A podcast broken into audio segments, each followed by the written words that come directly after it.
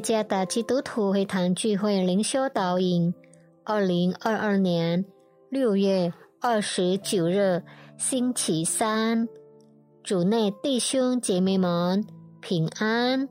今天的灵修导引，我们会借着圣经《约翰福音》第十四章十七节来思想今天的主题：我内心有平安。作者是爱家传道，约翰福音第十四章十七节，就是真理的圣灵，乃世人不能接受的，因为不见他，也不认识他。你们却认识他，因他常与你们同在，也要在你们里面。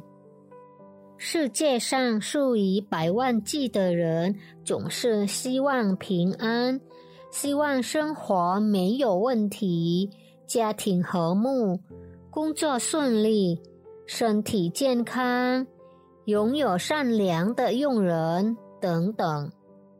这就是他们想要的平安。但是，平安真的是意味着没有问题的生活吗？在耶稣离开门徒之前，他应许了要赐予平安，一种与世人所理解不同的平安。耶稣很快就要离开，他会死在十字架上，被埋葬、复活，然后升天。在共同生活了大约三年后。耶稣将离开他的门徒，门徒们的心情肯定会难过、丧志和害怕。被离弃的事实使门徒感到恐惧，并且摧毁他们每个人的精神和心态。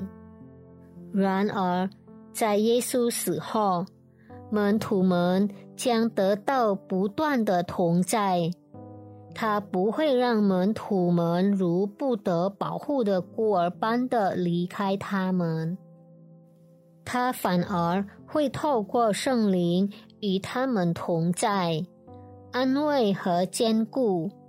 圣灵赐予他们平安，这平安不是保证门徒不会经历生活的风暴。而是保证有能力和平安度过每一个风暴。我们是基督的现代门徒，我们确实从未亲眼见过耶稣。然而，圣灵的同在给我们带来了所处的平安。世上的平安是暂时的，但它。赐下永恒的平安，即使世界震动，它也不会动摇。当我们亲近上帝时，我们会感到真正的平安。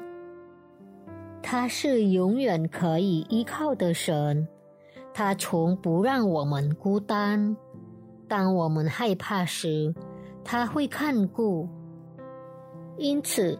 让我们继续不断的过着成为基督真正门徒的生活，即使生活并不总是一帆风顺，但因为我们总是与神同行，所以我们的生活就有平安。